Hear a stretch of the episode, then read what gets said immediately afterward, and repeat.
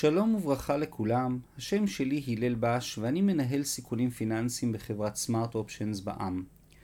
והיום אני רוצה לדבר איתכם על הסוגיה המהותית. בעולם של ריבית אפס, מה הטעם להשקיע באג"ח? מה החשיבות של הקצאת הנכסים האסטרטגית? למה צריך לשלב מרכיב אג"ח בתיק השקעות? האם אג"ח זו הלוואה? מהי התשואה לפדיון? מדוע באג"ח יש יחס הפוך בין המחיר לתשואה? מהם המדדים של אג"ח? והאם תיתכן בעיית נזילות באג"ח? ושאלת השאלות, האם מדדי האג"ח המוכרים לנו באמת מפוזרים מספיק? על כך ועוד בפרק שלפנינו. הקצאת נכסים בניהול מקצועי של כלל הנכסים, החלק החשוב ביותר, עם הערך המוסף המשמעותי ביותר למשקיעים האסטרטגיים לטווח הארוך, הינה הקצאת הנכסים. במסגרת הקצאת הנכסים מבצעים התאמה של הרכב תיק ההשקעות למאפיינים האישיים של החוסכים. בוחנים את צורכי הנזילות, הדרישות התזרימיות, המזומן הנדרש, טווחי ההשקעה, ובעיקר את התיאבון לסיכון של המשקיעים.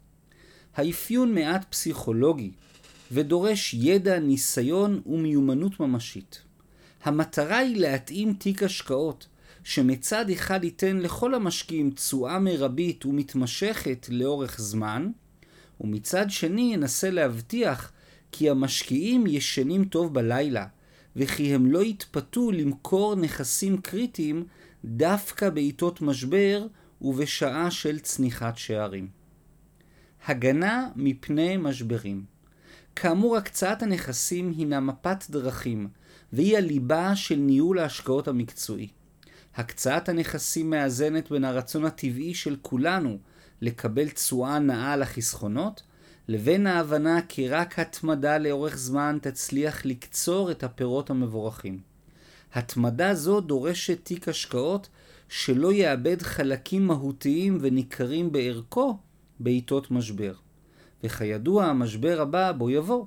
השאלה היא רק מתי בדיוק. כי משברים באים והולכים, כך דרכו של עולם, גאות ושפל. לאחר ניתוח מאפייני המשקיעים וקביעת הקצאת הנכסים האסטרטגית, עוברים לשלב הביצוע בפועל. את המרכיבים השונים של התיק ראו ליישם לרוב במסגרת השקעות פסיביות פשוטות, עם עמלות מופחתות, על מדדי שוק מרכזיים, על ידי קניית קרנות סל ETF Exchange Traded Funds. שילוב של מניות ואג"ח השילוב של נכסים הוניים, קרי מניות, עם נכסי חוב, קרי אגרות חוב או אג"ח, יוצרים איזון טוב שמאפשר למשקיעים לפזר סיכונים, למתן הפסדים בתקופות משבר ולנצל תקופות גאות לקצירת רווחים. השילוב של מרכיבים ספקולטיביים כמו המניות עם מרכיבים יותר סולידיים כמו אג"ח מאפשר לנו להקטין סיכונים באופן משמעותי ביחס לתשואה. מכאן אנו מבינים כי מרכיב חשוב בכל תיק השקעות הינו מרכיב האג"ח הסולידי ובו נתמקד היום.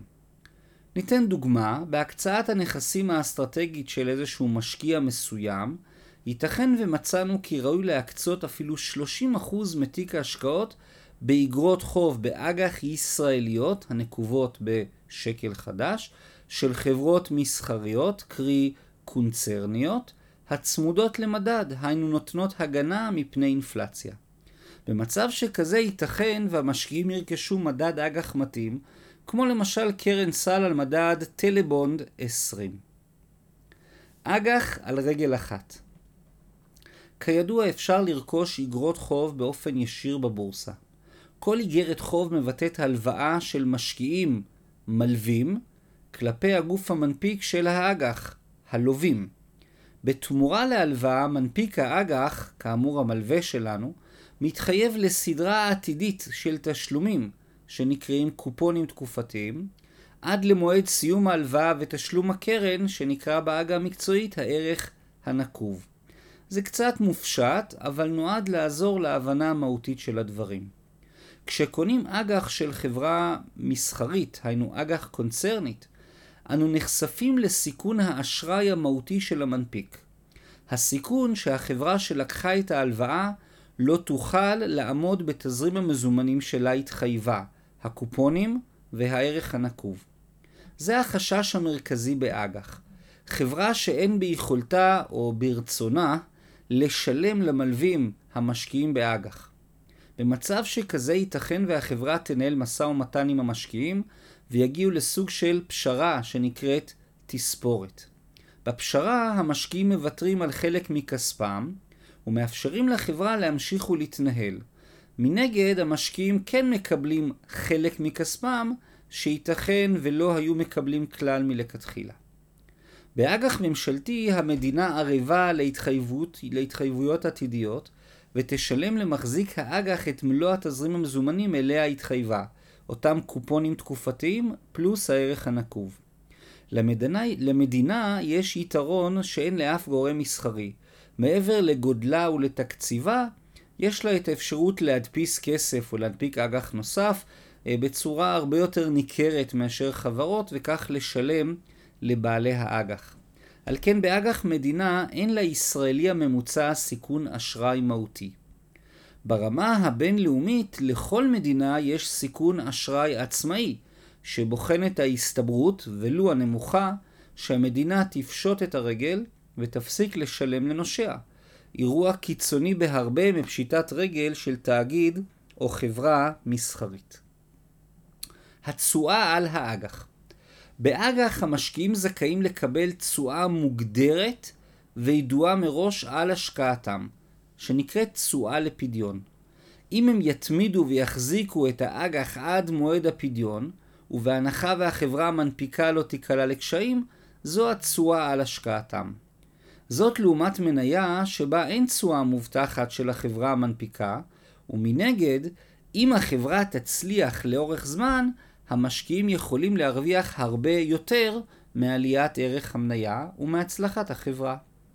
באג"ח המחיר נקבע בשוק החופשי על ידי היצע וביקוש, ובאופן טבעי יש יחס הפוך בין המחיר לתשואה. ככל שהאג"ח זול יותר באופן יחסי, הוא מבטא תשואה גבוהה יותר למי שירכוש אותו במחיר הנמוך. שכן המשקיעים רוכשים תזרים מזומנים עתידי קבוע וידוע מראש, בהנחה והחברה המנפיקה לא תיקלע לקשיים. ישנה נטייה להתייחס לאג"ח כנכס הרבה יותר בטוח ממניה, וזו קצת הכללה, שכן כל מקרה יידון לגופו. ישנן מניות בטוחות יותר עם רמות סיכון יחסית נמוכות.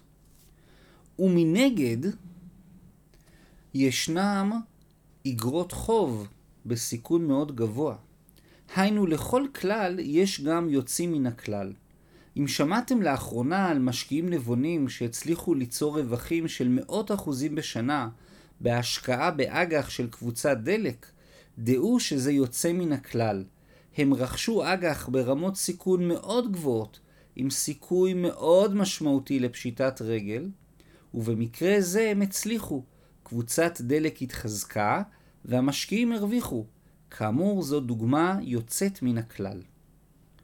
נזילות באג"ח אולי זה יפתיע חלק מכם, אבל שוק ההון הישראלי הינו קטן יחסית. עובדה זו יוצרת מצב קצת מוזר, בו ייתכן שישנם אגרות חוב שהם בעלי נזילות יחסית נמוכה. ברמה הבסיסית ביותר נזילות היא האפשרות למכירת נייר ערך כמו אג"ח ולקבל תמורה נאותה. משקיעים רבים צריכים רמת נזילות רבה, במיוחד בתקופות מורכבות של חוסר ודאות, כמו למשל התפרצות מחודשת של זן הדלתא. אם מחיר השוק של האג"ח הוא 110 לפי העסקה האחרונה שבוצעה, אבל אין כמעט קונים בשוק, כנראה נאלץ להתפשר ולמכור ב-100 או אפילו ב-90 על מנת לפתות מישהו לקחת על עצמו את האג"ח. זה סיכון הנזילות, והוא עלול להוביל השקעה רווחית באג"ח להפסדים ממשיים. חוסר הסחירות פוגעת בנזילות. באופן כללי, ככל שסדרת האג"ח גדולה יותר, לרוב היא תהיה, היא תהיה סחירה הרבה יותר, ולכן היא גם תהיה נזילה יותר, ותאפשר מימוש מהיר ובמחיר הוגן בעת הצורך.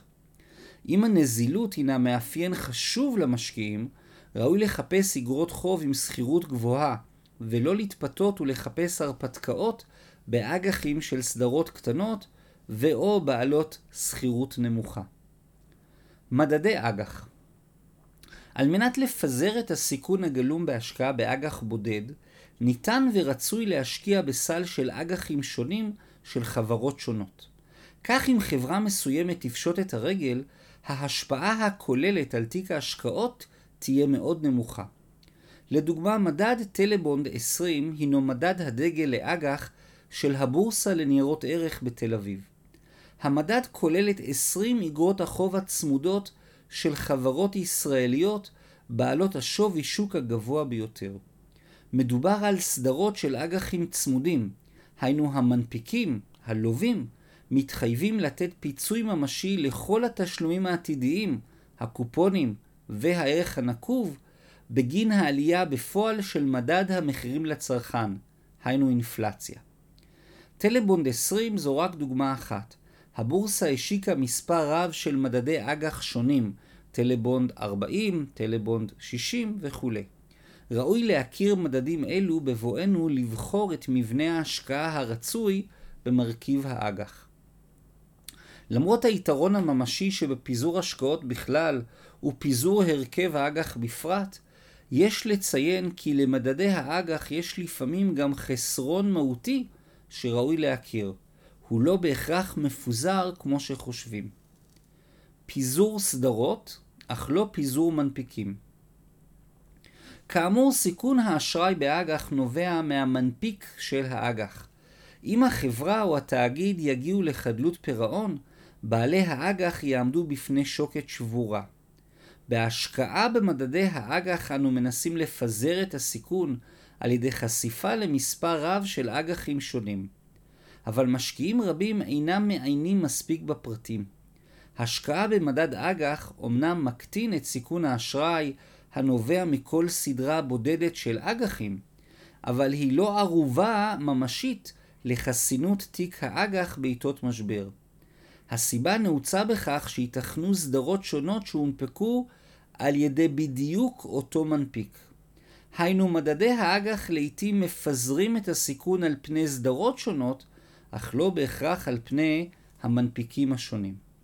במרבית מדדי האג"ח הקונצרני בישראל, תקרת המשקל של מנפיק בודד עומד על כ-20%. זה אומר שאם תאגיד מסוים ייקלע לקשיים, הרי ייתכן וחמישית מהמדד ייפגע באופן ממשי. במצב שכזה, הפגיעה במשקיעים תהיה מהותית וכואבת, וכל זאת מבעיה של תאגיד בודד. על כן יש לחפש מדדים פסיביים בהם המשקל המרבי של המנפיק הבודד אינו עולה על 7%. למשקיעים גדולים יש אפשרות ליצור מדד מלאכותי שכזה באופן עצמאי, על ידי רכישה ישירה של קבוצות אג"חים מתאימות. למשקיעים הקטנים נותר רק להכיר את הסוגיה ולהבין מראש לאיזה מנפיקים מרכזיים הם חשופים בתיק האג"ח הסולידי שלהם. כאמור, גם כשהתשואות על האג"ח מאוד נמוכות, ואפילו מעט שליליות, להפתעתנו, המרכיב הסולידי בתיק ההשקעות ממתן את הירידות במקרה של משבר, ובעצם עוזר לנו כמשקיעים לשמר על השקעה עקבית ומתמשכת לטווח ארוך. השם שלי הלל בש. אני מאוד מודה לכם על הקשבה, ומקווה לראותכם בפרק הבא. תודה רבה רבה, ולהתראות.